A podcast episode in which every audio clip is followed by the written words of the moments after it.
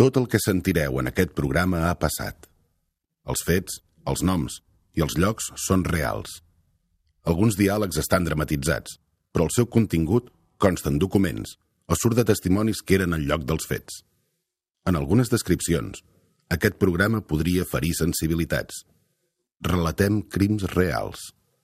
La realitat i la mort no en tenen de sensibilitats. En el capítol anterior... En Josep Talleda, després de passar 10 anys a la presó per l'homicidi d'una nena de 14 anys, torna a ser detingut, aquesta vegada, acusat d'haver matat una prostituta albanesa de 22 anys a Girona. El cos de la noia va aparèixer a la llera del riu, a prop de la Devesa, en posició fatal i embolicada en plàstics, com si fos un paquet. Els investigadors creuen que en Talleda la va matar el dia 1 d'abril del 2003. La va guardar 20 dies en un congelador i la va traslladar des del seu pis fins al riu amb un carro de supermercat. L'autòpsia diu que la noia tenia un tall al coll que li va afectar les artèries principals i, segons els Mossos, això justificaria que al pis on es va cometre el crim hi hagués una quantitat enorme de taques de sang. La víctima, que es deia Biolca Papa, feia pocs dies que vivia en Ventalleda perquè li havia promès que li aconseguiria papers i li compraria un pis. En Josep Talleda negava ser l'autor del crim i en culpava el nòvio i proxeneta de la noia, un romanès de nom Rudolf. Els Mossos van detenir en Josep Talleda i quan encara no s'havia fet el judici, es va saber que havia desaparegut una altra dona relacionada amb ell.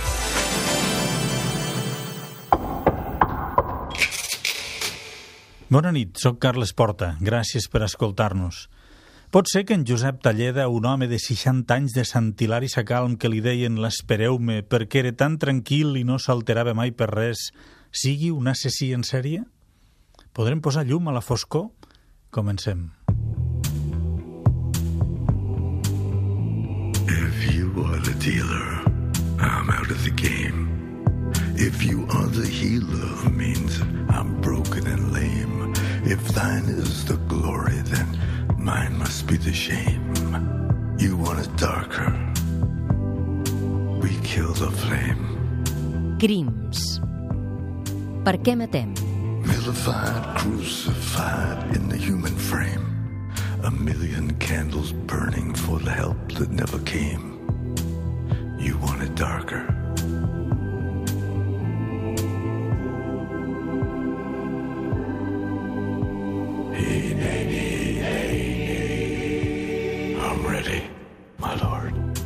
Relat dels moments foscos de la nostra societat. Crims. Amb Carles Porta. En Josep Talleda es va passar 10 anys a la presó. Quan en va sortir no podia tornar a Sant Hilari Sacalm perquè estava desterrat. Havia matat una nena de 14 anys i tothom l'assenyalava com a responsable de la desaparició d'una dona, la Paquita Boix. Però en Talleda hi va tornar a Sant Hilari. Això sí, amb permís del jutge. Va anar a l'enterrament de la seva mare. En Talleda, que estava casat i tenia dues filles, després de donar algun tom, es va instal·lar en un pis del número 11 del carrer Orient de Girona. Era un pis que estava a nom del seu gendre i havia viscut la seva filla. Els veïns no van notar mai res estrany ni van sentir mai cap soroll, ni el dia que va tallar el coll a una noia que després va fer encabir donant-li cops al cap en un congelador. Era una noia petiteta, el, el, el congelador era un congelador, diguéssim, no, no domèstic per un domicili, sinó quasi un, un, un congelador de restaurant, d'hotel, no? d'aquests que s'obre per cim, no per davant, per la porta, sinó per cim, i en allà hi havia, i pots posar-hi el que vulguis de, de material, i ella la va posar allà. Aquest que sentíem era el forense Narcís Bardalet, que va examinar un parell de vegades a Josep Talleda. Els veïns només es van fixar en una cosa, en un carro de supermercat que va aparèixer i desaparèixer coincidint amb la troballa del cadàver al riu. Els Mossos van deduir que el carro s'havia utilitzat per transportar el cos en forma de paquet. Però en Talleda era un bon veí, un veí normal. De portes en fora, és clar. La jutgessa que va portar el crim de la Devesa el va enviar a presó perquè hi havia molts indicis racionals de la imputació d'en Talleda en la mort de la Biolca Papa. Ens el recorde la Lídia Oriols. Bona nit, Lídia. Bona nit, Carles. El pis d'en Josep Talleda era ple de taques de sang de la Biolca Papa. Malgrat que ell sempre va dir que la noia no havia estat en aquell domicili, les proves d'ADN van demostrar que la sang era de la noia. Al pis hi havia sacs de plàstic i bosses d'escombraries exactament iguals que les que s'havien fet servir per embolicar la víctima, igual que els cordills utilitzats. Els Mossos en van trobar a casa d'en Talleda i el seu cotxe. En Rudolf, el nòvio de la noia, va dir que la Biolca feia dies que vivia a Mantelleda quan va desaparèixer.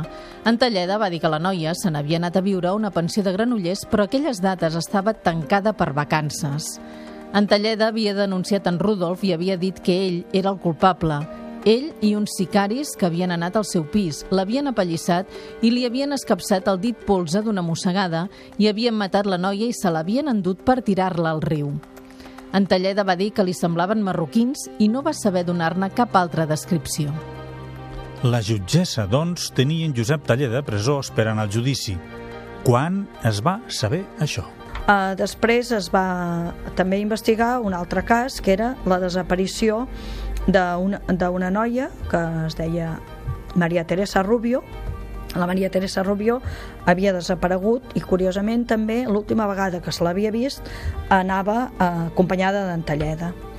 Eh, en aquest cas eh, era això en principi era normal perquè eh, la Maria Teresa Rubio eh, era la dona d'un company que, que de cel·la que havia conegut en Josep Talleda a la presó i llavors ell quan sortia doncs d'alguna manera eh, li donava com suport o l'acompanyava, la portava amunt, avall i tal i eh, què va passar? Uns anys després es va trobar un cos ja en molt mal estat a la carretera de, crec que prop de Vilanova del Vallès, arran d'una carretera i l'ADN va demostrar que es, es tractava de la Maria Teresa Rubio, la noia desapareguda tam, eh, també aquí a Girona i que a vegades anava acompanyada d'en de, de, Talleda. Em sembla que arribats a aquest punt estaria bé que féssim un repàs de les dones que van tenir la mala fortuna de topar-se amb la part fosca d'en Josep Talleda. El 1978 a Sant Hilari Sacalm va desaparèixer la Paquita Boix, que treballava fent feines de neteja a la torneria d'en Josep Talleda. No se'l va condemnar, però se'n sospitava perquè, entre altres coses, portava les germanes Àvila a posar flors en un lloc al costat del pantà de Susqueda. Ell mateix va dir a gent del poble que la Paquita havia fugit quan ningú sabia que estava desapareguda. Es va fer una trucada anònima dient que havia fugit amb un camioner francès i als calaixos de la Paquita es van trobar dues cartes anònimes escrites per Antalleda. El 1987 es va trobar morta d'un cop al cap la Montse Ávila, una nena de 14 anys que, com la Paquita, feia feines esporàdiques a la torneria d'en Josep Talleda. Si bé ell sempre ho va negar, en Talleda va ser condemnat a 20 anys de presó per l'homicidi de la nena i per abusos deshonestos comesos a la mateixa víctima i a una germana seva, a les quals feia jugar a escalfar tornavisos, una manera de masturbar-lo. En Talleda va ser a la presó fins l'any 2000 i el 2001 va desaparèixer Teresa Rubio, l'esposa de Mustafa Kemal, un traficant que compartia cel·la amb en Talleda. I l'any 2003 va aparèixer morta i embolicada en plàstics la Biolca Papa, una noia albanesa de 22 anys que havia viscut els últims dies de la seva vida al pis d'en Josep Talleda. Estem, doncs, parlant d'un assassí en sèrie català? I jo que em pensava que els catalans érem supremacistes i perfectes. Escoltem què en diu un dels grans experts en la foscor humana, el forense Narcís Bardalet, que a més ens explica una connexió negra-negra. Hi ha un altre fet que també no deixa de ser sospitós o com a mínim preocupant, ell compartia cel·la amb una persona que es deia Kamal. Kamal era un turc traficant de drogues que estava a la presó, havia estat condemnat també molts de cops, i que fixem-nos a quines casualitats en el món de la delinqüència que fan també sospitar. Ens en recordarem, probablement tots els oients, de que fa, parlo de memòria, uns 12 anys, 15 anys, o poder menys, podem-hi 10 anys, que dos policies en pràctiques varen ser assassinades, em sembla que a Hospital de Llobregat varen ser assassinades, que van pujar en un domicili i que els va assassinar un tal Pedro Jiménez, que també va ser condemnat, un tal Pedro Jiménez. Uh, pues aquest en Pedro Jiménez se'l va detenir a Girona. Per què? Perquè estava amagat a casa d'aquest encamal.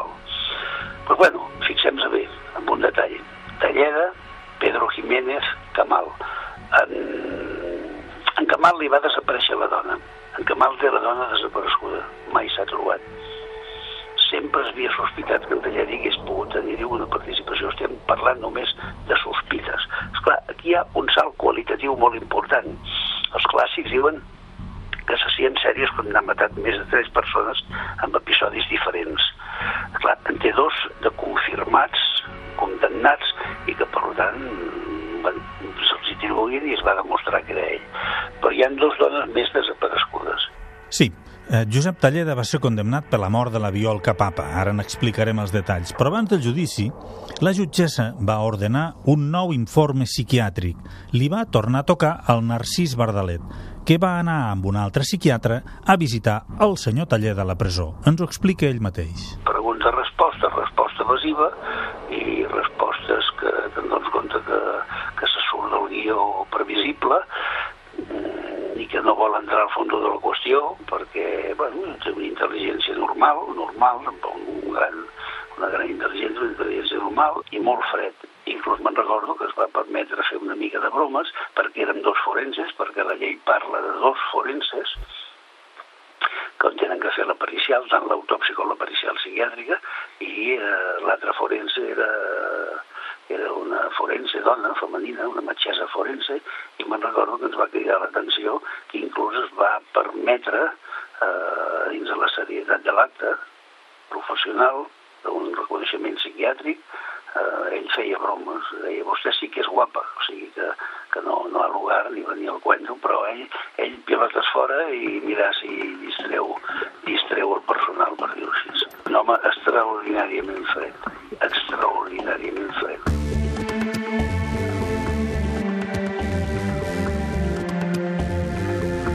Entrem en els detalls de la desaparició de la Teresa Rubio. El juny del 2003, quan encara s'estava en plena investigació de la mort de la Violca Papa, salta la notícia. Els Mossos van lligar caps. El Punt publicava la notícia. Sospiten que en Talleda està implicat en la desaparició d'una dona de Girona el 2001. La dona de Mustafa Kemal va desaparèixer un matí després d'haver acompanyat els seus fills a l'escola. Els seus familiars van considerar que era impossible que la dona hagués marxat per voluntat pròpia, deixant desatesos els nens. Alguns testimonis asseguren que abans de desaparèixer va ser vista amb Josep Talleda, que coneixia a través de Camal, acusat de tràfic de drogues juntament amb un brigada de la Guàrdia Civil. Josep Talleda i Mustafa Kemal havien coincidit a la presó i van fer amistat. Talleda sovint duia en cotxe la dona de Kemal quan ella havia de fer algun desplaçament. Coses curioses de la desaparició de Teresa Rubio. Maria Teresa Rubio Blanco tenia quatre fills i la salut delicada. Li faltava un ronyó i prenia força medicació. Quan va desaparèixer el 2001, la Fiscalia va proposar que les diligències obertes s'encaminessin com un cas d'abandonament de la llar i dels fills, però el cas es va replantejar quan es va detenir en Talleda per la mort de la Violca Papa. Ara sentirem com es descrivia al diari la manera com es va trobar el cos de la Teresa Rubio. A veure si us recorda alguna cosa. El 22 de febrer del 2001, un jubilat que passejava pels vols de Vilanova del Vallès va descobrir, quan creuava un rieral, el cos d'una dona aparentment jove que tenia el cap totalment aixafat. Jutgeu vosaltres mateixos. Uns dies abans de trobar-se el cos, l'11 de gener del 2001, havia desaparegut la Maria Teresa Rubio. La vida dona moltes voltes i els expedients policials també. Aquell cas el va començar la Guàrdia Civil i després va passar als Mossos. Durant uns quants anys no es va vincular el cadàver trobat amb la dona desapareguda perquè les dades antropomètriques no acabaven de coincidir. El 2003, quan es va detenir en Talleda, a algú se li va encendre la llumeta, però sabeu per què? Doncs perquè la Violca Papa treballava a la zona on va ser trobat el cos de la Teresa i sobretot perquè aquella zona era prop de la farinera de Granollers on treballava el Josep Talleda i a la ruta que feia cada dia. L'any 2007, finalment, es van fer proves d'ADN que van confirmar que aquell cos trobat el 2001 a Vilanova del Vallès era el de la Teresa, la dona d'en Camal. El traficant que s'havia fet amic d'en Talleda a la presó. Però que quedi clar, mai es va demostrar que en Josep Talleda tingués res a veure amb la mort de la Teresa Rubio i es va acabar arxivant el cas. Hey,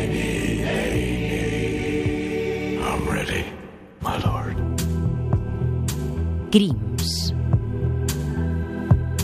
Amb Carles Porta.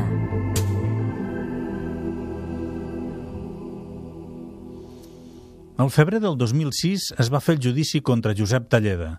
Les cròniques de TV3 ens serveixen de resum i per sentir com en Talleda continuava culpant en Rudolf de tot.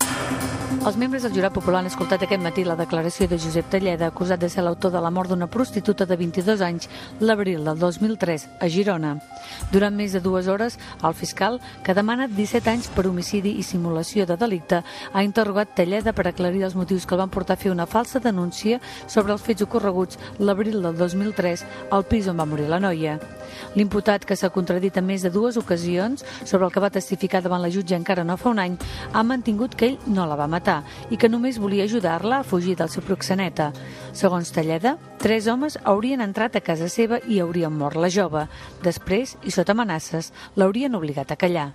No, no, es que el Raúl eh, eh, para mí es el culpable. Para usted es el culpable. Sí. ¿El culpable de qué?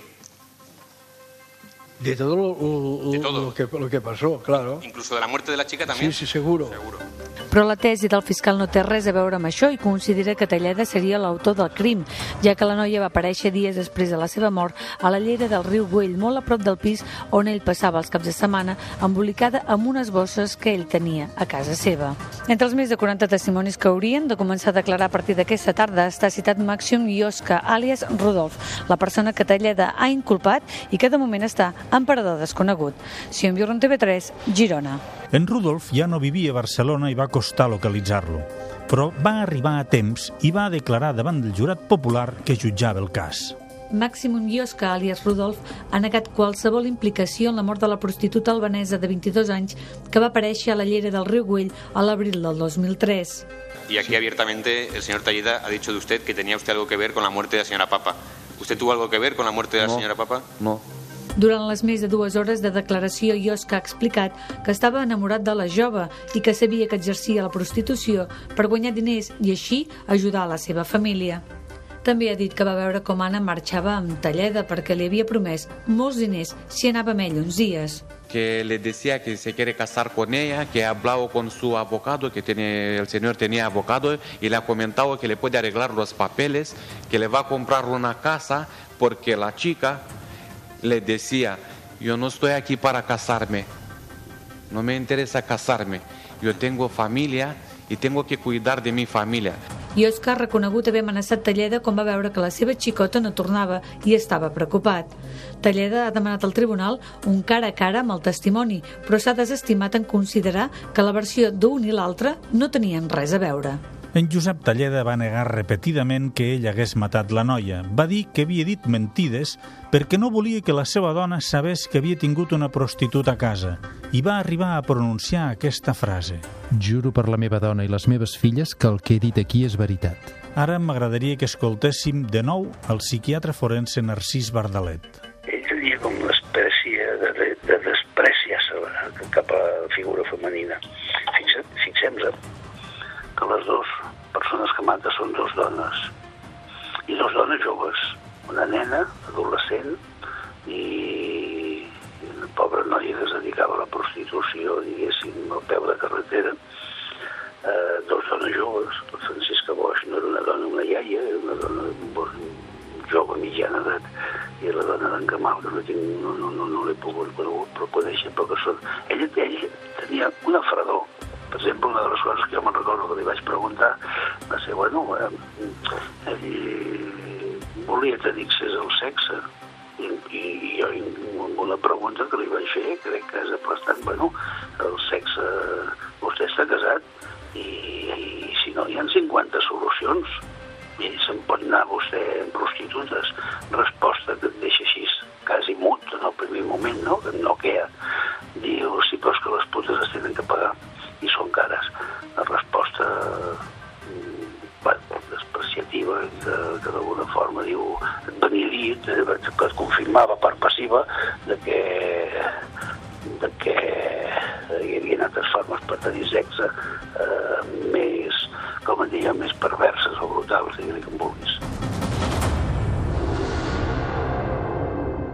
El jurat popular va arribar molt ràpid a un veredicte.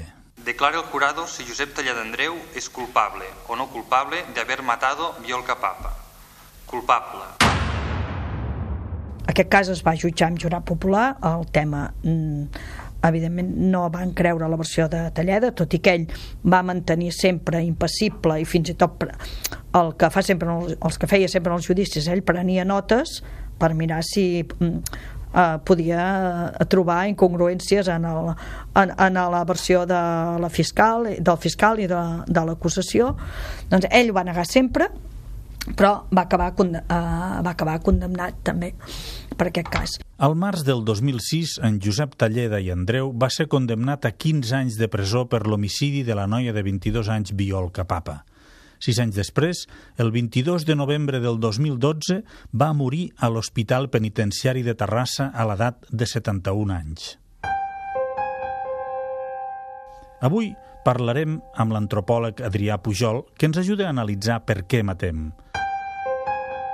Però parlant amb el forense Narcís Bardalet, un home que fa poc ha publicat un llibre titulat El que els morts m'han ensenyat de la vida, del qual ja en vam parlar en aquest programa, Bardalet ens deia això.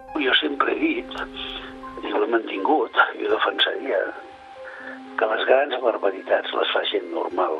El primer que s'ha d'aturar de dir sort a la vida que no et caigui un psicòpata al cantó. Això és el primer que hi ha que demanar, però perquè generalment el psicòpata és una persona que és imputable, és a dir, que distingeix el bé del mal. A vegades hi ha diversos tipus de psicòpates. A vegades els psicòpates són persones, com diria jo, enrotllats, que es diuen el vocabulari, l'argot, enrotllats, simpàtics, que et saben camalar, i aquest és el perfil de la persona. Jo sempre he dit, i ho he mantingut, i ho defensaria, que les grans barbaritats les fa gent normal. Fa un moment el forense Bardalet deia que en Josep Talleda tenia menys preu per la figura femenina. Tothom en destaca aquesta fredor. En parlàvem la setmana passada amb l'Adrià Pujol. Adrià, bona nit. Bona nit. I ens vam quedar en aquest impàs del mal absolut.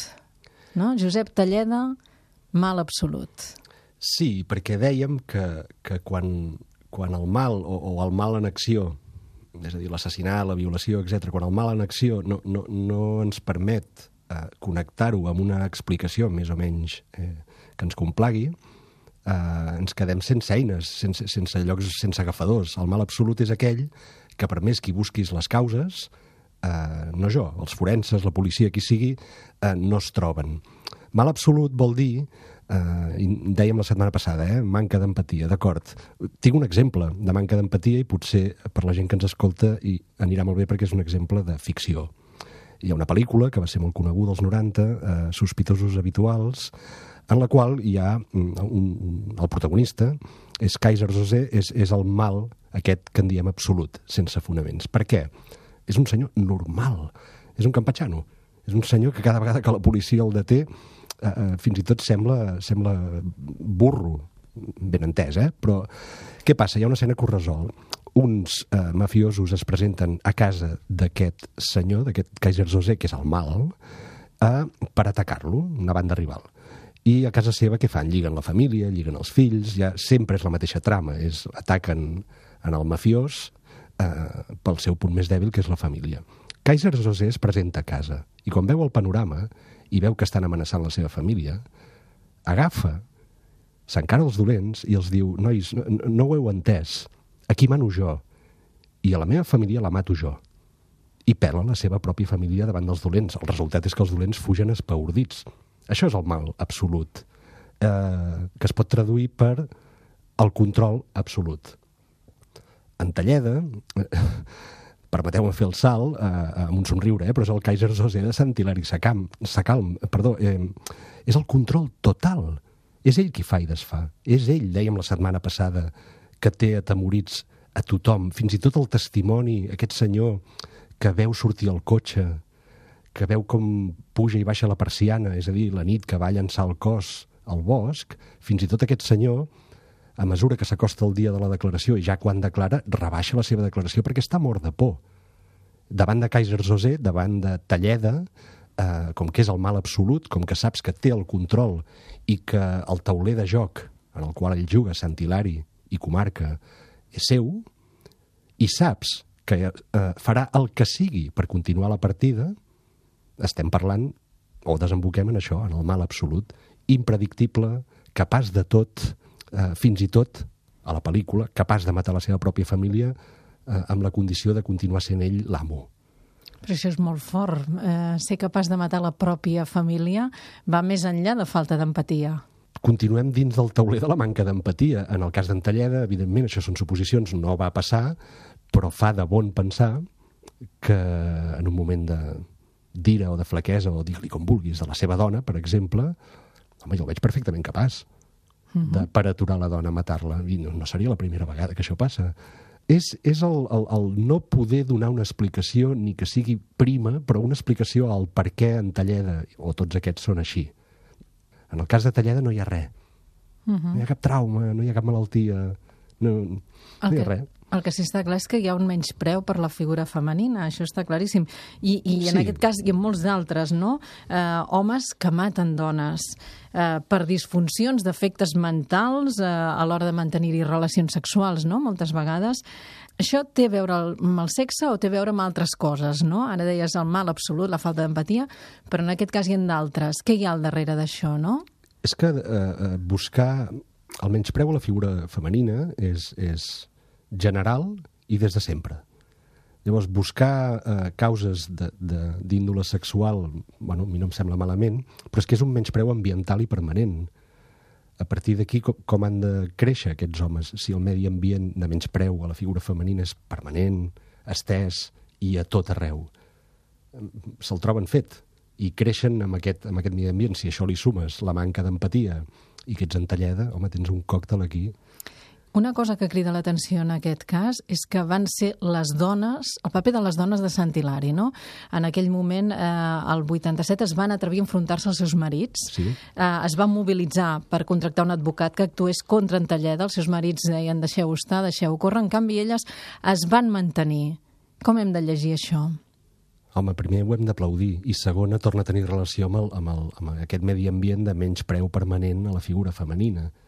Ergo, la figura femenina eh, no té una altra sortida que autoorganitzar-se per sortir d'aquest pou. I és el que va passar amb aquestes dones de Sant Hilari. Els homes, que, que per tant pertanyen a la, a la part masculina, que és la d'entalleda, que és el domini, que estaven, estaven morts de por. Clar, és que no m'estranya. No t'assanya davant el mal absolut. Exacte, perquè no l'agafes per enlloc. Adrià Pujol, gràcies. Que vagi bé.